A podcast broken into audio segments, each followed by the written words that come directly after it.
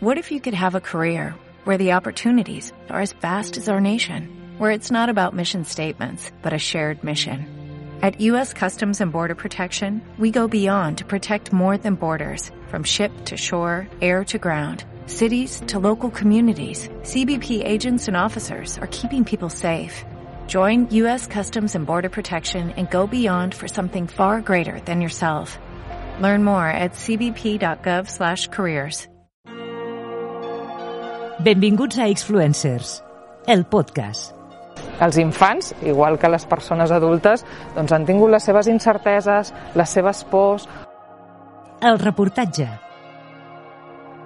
En el cas dels infants, és evident que la, la malaltia no té en la majoria de casos, eh, unes repercussions físiques importants. Sí que és veritat que eh, hi ha hagut algun cas fins i tot no, de quadres de Covid persistent, és a dir, que no, no ho podem dir d'una manera absoluta ni generalitzada, però sabem eh, que en la gran majoria dels casos la malaltia ha succeït d'una manera asimptomàtica, d'una manera molt lleu. Ara bé, això no vol dir que la pandèmia i el que ha comportat, com per exemple el confinament, no hagin tingut algun tipus de conseqüències sobre la salut també física dels infants. Però penso que les conseqüències emocionals també han estat més que paleses. En l'esfera una mica de, de, la, de la salut mental hem vist que s'han agreujat malalties ja existents, com els trastorns de conducta alimentària, els trastorns de conducta en general, a vegades tot el canvi de rutines té unes conseqüències negatives sobre aquest tipus de trastorn o, o requereix no, tot un treball extra per tornar a col·locar les coses al seu lloc i després, no, centrant-nos en, aquesta, en aquestes conseqüències emocionals, els infants, igual que les persones adultes, doncs han tingut les seves incerteses, les seves pors, alguns han hagut de, de fer dol per persones estimades que han emmalaltit i que fins i tot han mort, és a dir, que de ben segur eh, que, aquesta, que aquesta pandèmia doncs, també ha tingut unes conseqüències eh, notables per tot el col·lectiu d'infants i també de joves, evidentment tots hem estat immersos no? amb, amb aquest volum importantíssim d'informació, no sempre del tot contrastada, però vaja, que l'hem tingut i l'hem rebut per moltíssims canals. Per tant, els infants i els joves no se n'han escapat. Però particularment als infants els hi hem donat la informació que ells necessitaven, els hi hem donat informació adequada i pensada a les seves franges d'edat, aquesta és una pregunta que em faig i que la resposta no, en una societat en la que vivim, que és adultcentrista per definició, estic segura que eh, ho podíem haver fet millor i que això no, d'alguna manera ens ha de servir per properes ocasions per tenir-los en consideració sempre, per escoltar-ne la veu, sempre per estar atents a aquestes necessitats des del minut zero i per poder sempre brindar-los aquesta informació a la qual tenen tant dret com qualsevol persona adulta. L'escola, a nivell social, té un paper importantíssim, que és el paper de procurar mantenir la igualtat d'oportunitats. Quan tanquem les escoles, el que fem és augmentar encara més les desigualtats socials. Per tant, mantenir les escoles obertes sempre ha estat una prioritat, una prioritat absoluta, perquè sabem tot allò eh, que comporta alguns estudis, fins i tot ens han arribat a posar de relleu que el tancament escolar, per experiències que hi ha hagut en països en els que hi ha hagut vagues indefinides, per exemple, acaba tinguent una afectació en l'esperança de vida dels infants. Tot i les dificultats que suposi a nivell logístic, els docents han hagut de fer un superesforç perquè els horaris estan canviats, han de fer pati cada dia, quan abans doncs, potser feien un dia a la setmana, el que implica no poder barrejar grups, tot, tots els inconvenients no són res en comparació amb el fet de tenir les escoles obertes. O sigui, la cara d'un infant quan pot venir a l'escola, quan pot xerrar, quan pot compartir, quan pot estar aquí a l'aula, no té res a veure amb tenir-lo a casa. Per tant, nosaltres, el que sigui per poder mantenir les escoles obertes i vam donar moltíssima, molta, molta importància a tota la part tutorial i emocional. Òbviament l'acadèmica és molt important, però vam creure que era una situació doncs, com molt extrema, torno a dir-ho, cada família ho vivia d'una situació diversa. Nosaltres aquí a l'escola fem tallers que els fèiem setmanalment i eh, aquest any vam decidir ja a principi de curs, quan preparàvem el, el curs escolar, decidir fer-los quinzenalment per poder fer un treball tutorial més intens. I llavors hem fet activitats des d'enviar una carta al nostre jo confinat de l'any passat, a donar agraïments als sanitaris en èpoques que venien onades, hem hagut de parlar de, de les vacunes, per exemple, eh, i, i treure molt i conversar molt d'allò que anem sentint, de com ens fa sentir tota aquesta situació. Clar, penseu que els nens durant el curs hi ha hagut moments que no han pogut fer extraescolars. Per allò és una rutina que amb ells els hi trencava. No és com l'adult que no pot anar al gimnàs. Per ells també és salut, no? fer extraescolars.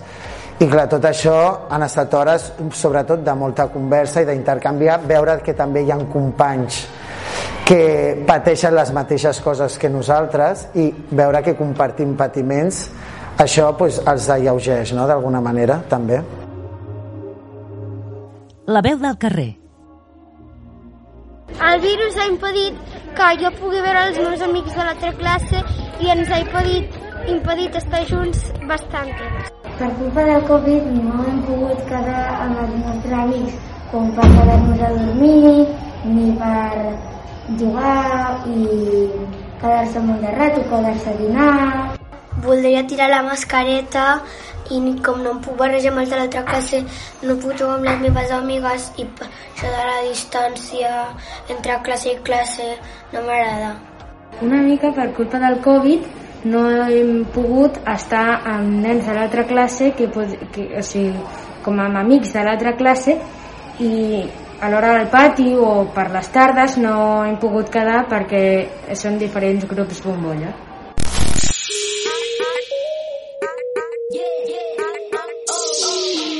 La tertúlia.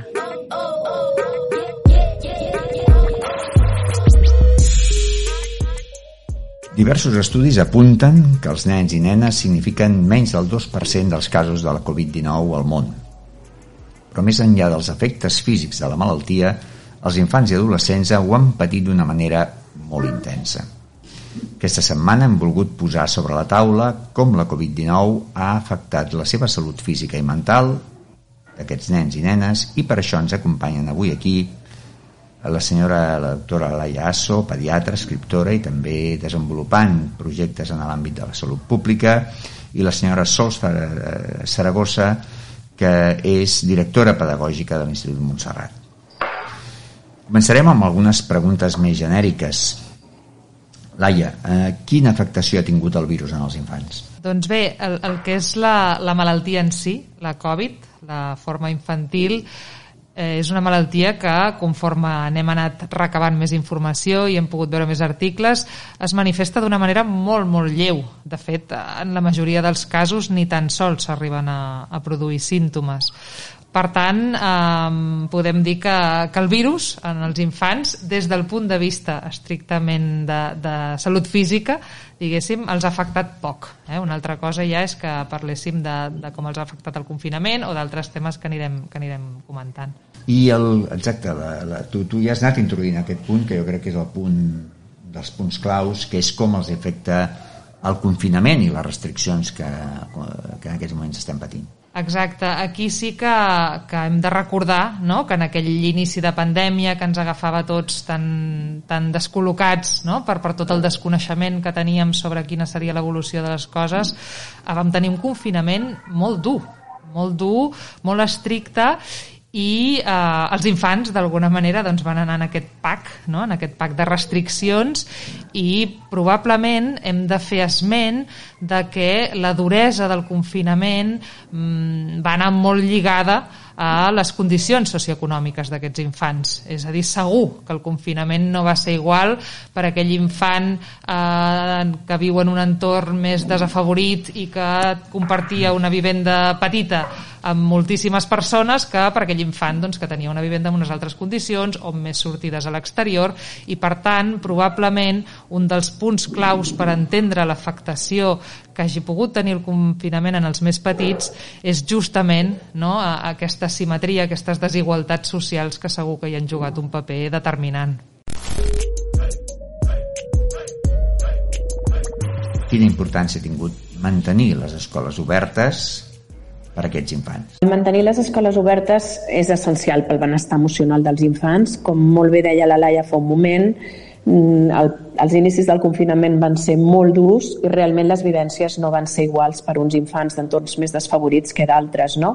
L'escola és un espai um, l'educació és un dret universal, tots els infants tenen dret o haurien de tenir dret a l'educació i a l'escola eh, aquestes, aquests aspectes tan diferents d'una família a una altra, doncs els pots unificar més, no? Tots poden trobar-se acollits i sobretot, com deia la Laia, aquests infants doncs, que potser la situació de confinament era més dura que per d'altres, l'escola és un espai segur, no? L'escola està, que les escoles estiguin obertes és essencial pel seu benestar emocional, perquè a part de que aprendre de manera virtual és molt més difícil i no es poden atendre d'igual manera les diferències, ni es pot fer un acompanyament tan exhaustiu com de manera presencial, no? Uh, són molt necessàries pel seu creixement personal i pel seu benestar emocional. Com heu treballat precisament aquesta part emocional eh, amb els infants a l'escola?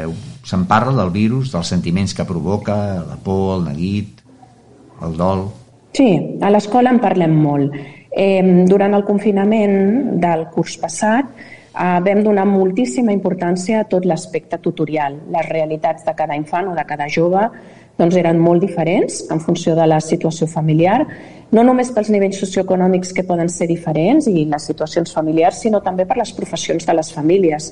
No ho vivia d'igual manera doncs, el fill d'un sanitari que estava tot el dia doncs, exposat al risc doncs, que altres infants doncs, que podien tenir fins i tot el pare i la mare doncs, potser més hores dels que les tenen habitualment. No? Llavors es va fer tot un treball molt exhaustiu a nivell individual, amb entrevistes virtuals, òbviament, amb els infants per veure cadascú com ho vivia. Però ja a la tornada a l'escola, en el nostre projecte, en el nostre pla anual de centre aquest any, tota la part d'educació emocional des del primer moment, que sé, ja és un punt fort de la nostra escola, doncs li hem donat més importància que mai.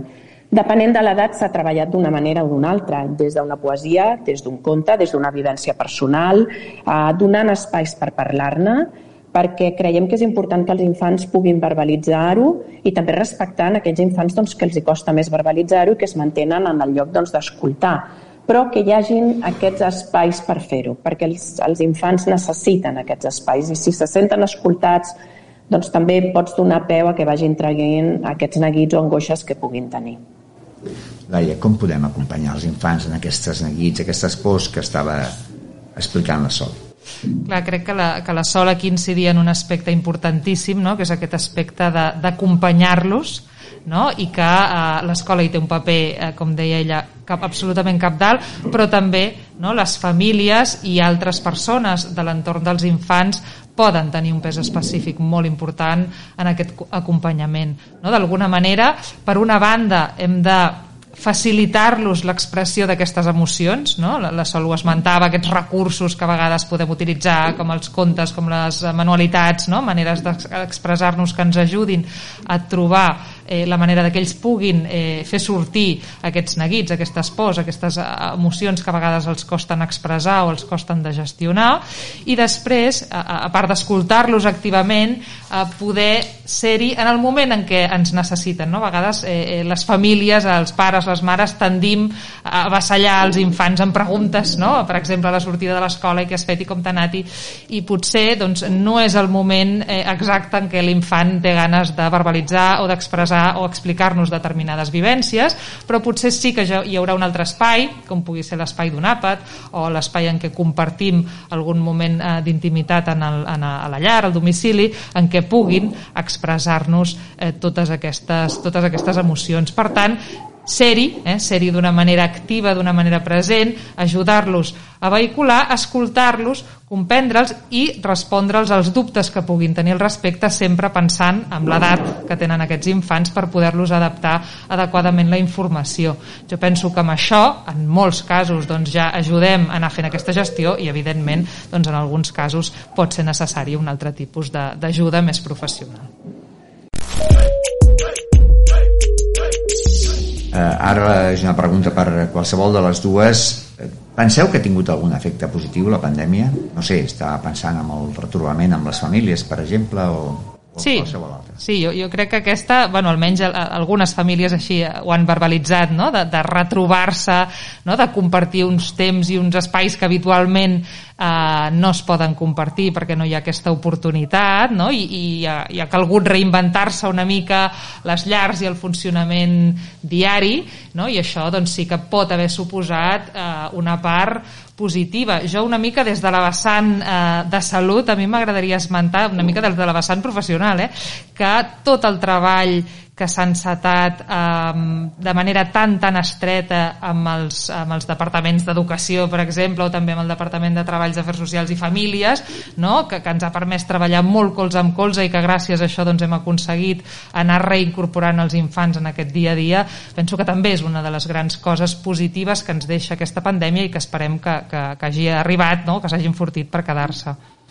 Sol, estaries d'acord amb el que comentava sí, la Laia? Estic totalment d'acord amb la Laia. Uh, realment aquesta, aquest apropament entre salut i educació doncs, des dels equips directius de l'escola doncs, ho estem vivint, que abans doncs, eren doncs, dos apartats més diferenciats. Penso que això és positiu.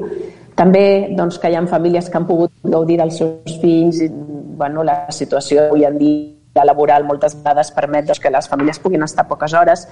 Això doncs, s'ha doncs, guanyat en qualitat en algunes famílies i també afegiria, i potser és una part més acadèmica, doncs que ens hem trobat amb infants que han guanyat en autonomia, en la gestió del seu temps i ha costat, òbviament s'ha necessitat un acompanyament de l'escola, però en el que serien les tasques acadèmiques, organització del temps, doncs eh, s'han trobat més sols, tot i l'acompanyament de l'escola, però no és el mateix que tenir doncs, el tutor o el docent al costat tot el dia, i ens hem adonat que molts infants i joves han aconseguit doncs, aquells aspectes organitzatius, d'agenda, de gestió del temps, no? que al principi doncs, potser no sabien gestionar-lo i passaven masses hores treballant, i això també, eh, aquest aspecte positiu, doncs, l'hem valorat des de l'escola.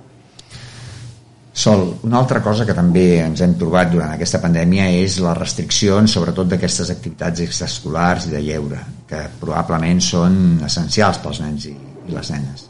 Com, com afecta o com ha pogut afectar o està afectant això als infants? Sí, aquestes activitats realment són essencials pels nois joves i pels nens i les nenes, pels infants, perquè és una manera de complementar la seva formació, de tenir més relacions eh, personals doncs, amb altres persones, a vegades de l'escola o d'altres classes de la mateixa escola. Eh, aquest curs s'han anat aturant contínuament, s'han anat reprenent. Nosaltres hem notat que cada vegada que es reprenien estaven molt contents de reprendre-les, però realment en els moments que no hi ha hagut aquestes activitats extraescolars, els infants han verbalitzat i els joves també molt, que tenien la sensació que la seva vida era només estudiant, no? tot i que a l'escola se'ls veu bé i estan molt millor que no pas confinats, però aquest espai, perquè normalment doncs, l'activitat extraescolar és una activitat que es cullen, eh, és més lúdica, a part de la seva part educativa i de valor i la trobaven molt a faltar, perquè bueno, han estat moments doncs, que sí, anaven a l'escola de 9 a 5, però òbviament després havien de desplaçar-se cap a casa i a més els caps de setmana doncs, tampoc podien fer activitats i això ho han trobat molt a faltar. Realment ara que estan obertes les extraescolars es nota molt. I a l'escola també. Vull dir, el fet de que a les 5 de la tarda hi hagi un silenci absolut era, no era normal. I en canvi ara doncs, hi ha activitats tota la tarda. Eh, fins ara hem parlat d'infants, però sortim de l'escola i anem cap a l'institut. Laia, com ho han viscut els adolescents? Clar, aquí amb els adolescents eh, encetem un altre tema, eh, perquè són doncs tenen les, les seves particularitats i, i suposo que per saber exactament com ho han viscut, que segur que també doncs, eh, segons la franja d'edat i segons el tipus de persona doncs cadascú ha viscut una mica com, com ha pogut però um, és una etapa que justament justament es caracteritza no, per aquesta socialització tan important perquè uh, la família d'alguna manera passa una mica no, diguem-ne un segon pla i cobren més importància el grup d'amics i per tant tot això uh, segur, segur que ha tingut una, una implicació molt important. De fet ens consta no, que en alguns casos i això tant ens ho verbalitzen eh, els professionals que tenen a primera línia com les pròpies famílies no, hi ha hagut en alguns casos una certa, un cert tancament en si mateixos, una certa reclusió, eh, en, en altres casos doncs, s'ha potser fet un abús eh, de, de l'ús de, de noves tecnologies, de pantalla, s'han passat moltes hores en aquest món eh, virtual, no? i això en una etapa doncs, que eh, és, és molt crítica i és una etapa molt sensible. No? Per tant, eh, sabem no? que també s'han agreujat determinats eh, trastorns en cas de malalties, per exemple, trastorns de conducta alimentària, altres trastorns de conducta, tot això eh, en molts casos s'ha vist agreujat i per tant eh, no ho han tingut gens fàcil, tot i que, tot i que eh, també hem de dir que s'han tret de la màniga molts recursos i han aconseguit no? a, a, tirar endavant amb, amb, amb molta dignitat diria jo no? I, i trobant solucions a molts, a molts temes quotidians doncs, d'una doncs, manera molt adequada Sol, com solen mostrar aquest malestar del que parlava ara també la, Um, com bé de la la Laia, en aquesta edat doncs, les relacions socials són molt importants. Um, els hi costa, potser són les edats en què ens costa més mantenir els grups bombolla. Ells saben que ho han de fer, però fora de l'escola, doncs, òbviament estan acostumats a tenir relacions amb els altres companys i és on hem d'insistir més. I realment hi ha hagut un augment notable, nosaltres a l'escola tenim secundària, d'alumnat doncs, amb crisis d'ansietat, d'angoixa. Com deia la Laia, també tenim joves doncs, que han fet un tancament, que els hi ha costat molt la tornada presencial a l'escola perquè s'han doncs, recolzat en les noves tecnologies, s'han tancat molt a l'habitació, eh, alguns els hi ha costat reprendre doncs, els hàbits d'estudi i ara doncs, la tornada presencial els ha angoixat, en canvi per d'altres no, però sí que realment hi ha hagut un augment doncs, de trastorns de conducta, de conducta alimentària i altres doncs, malalties o malestars doncs, de tipus mental. I realment doncs, són els que costa més doncs, mantenir la normativa. A l'escola ens fan cas, però sí que sabem que quan surten de l'escola doncs, molt sovint barregen els grups de convivència estable. Uh, Laia, com els podem acompanyar en un, vital, en un moment vital en què tendeixen això, el que també ens estava explicant la Sol, de fugir els pares? Mira, a mi aquí m'agrada citar eh, el Jaume Funes, que crec que d'això en sap molt, i m'agrada citar una frase seva, no?, que és eh, títol d'un dels seus llibres, no?, que és l'estima'm quan menys m'ho mereixo, perquè és quan més ho necessito, doncs per mi una mica aquesta frase és el resum de com, com acompanyar els adolescents, no? També hem de ser allà i hem de fer notar que hi som sense vassallar, sense ser excessivament invasius, perquè en aquest moment ells reclamen no? Aquest, aquesta independència, eh, aquesta estancaïtat també, no? per, per poder-se anar desenvolupant com a persones, però eh, fer-los saber que hi som és important per aquell moment en què ells ens necessiten no? I, i una mica això no? buscant a quines coses de veritat són prioritàries no? i potser no exigint ni fixant masses línies vermelles sinó centrant-nos en aquelles prioritats eh, més, més grans i eh, amb aquest nivell de, de comprensió i, i de reflexió que crec que exigeix l'etapa de l'adolescència. Ja per anar acabant, viure en confinament és un episodi únic. Eh, poden quedar seqüeles i de quin tipus penseu que podrien quedar si és que...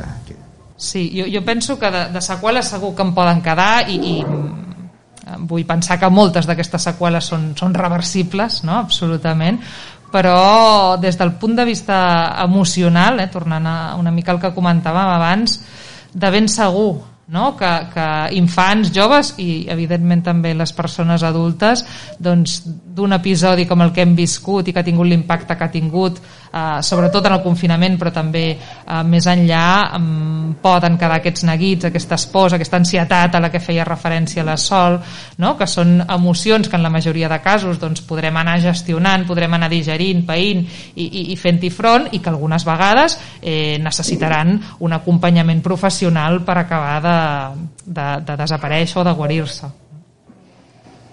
eh, Sol, eh, què heu après de tota aquesta experiència i què faríeu diferent? Quines coses faríeu diferents? A veure, hem après moltíssim. Um, jo penso que si hi ha un aspecte positiu doncs és que no ha quedat més remei que aprendre. No és allò de dir hem d'aprendre això i ja ho farem, sinó que realment ha estat tot molt ràpid i ens hem hagut d'adaptar. Jo penso que totes les escoles, vull dir, no només la nostra, hem fet una adaptació molt gran a la situació.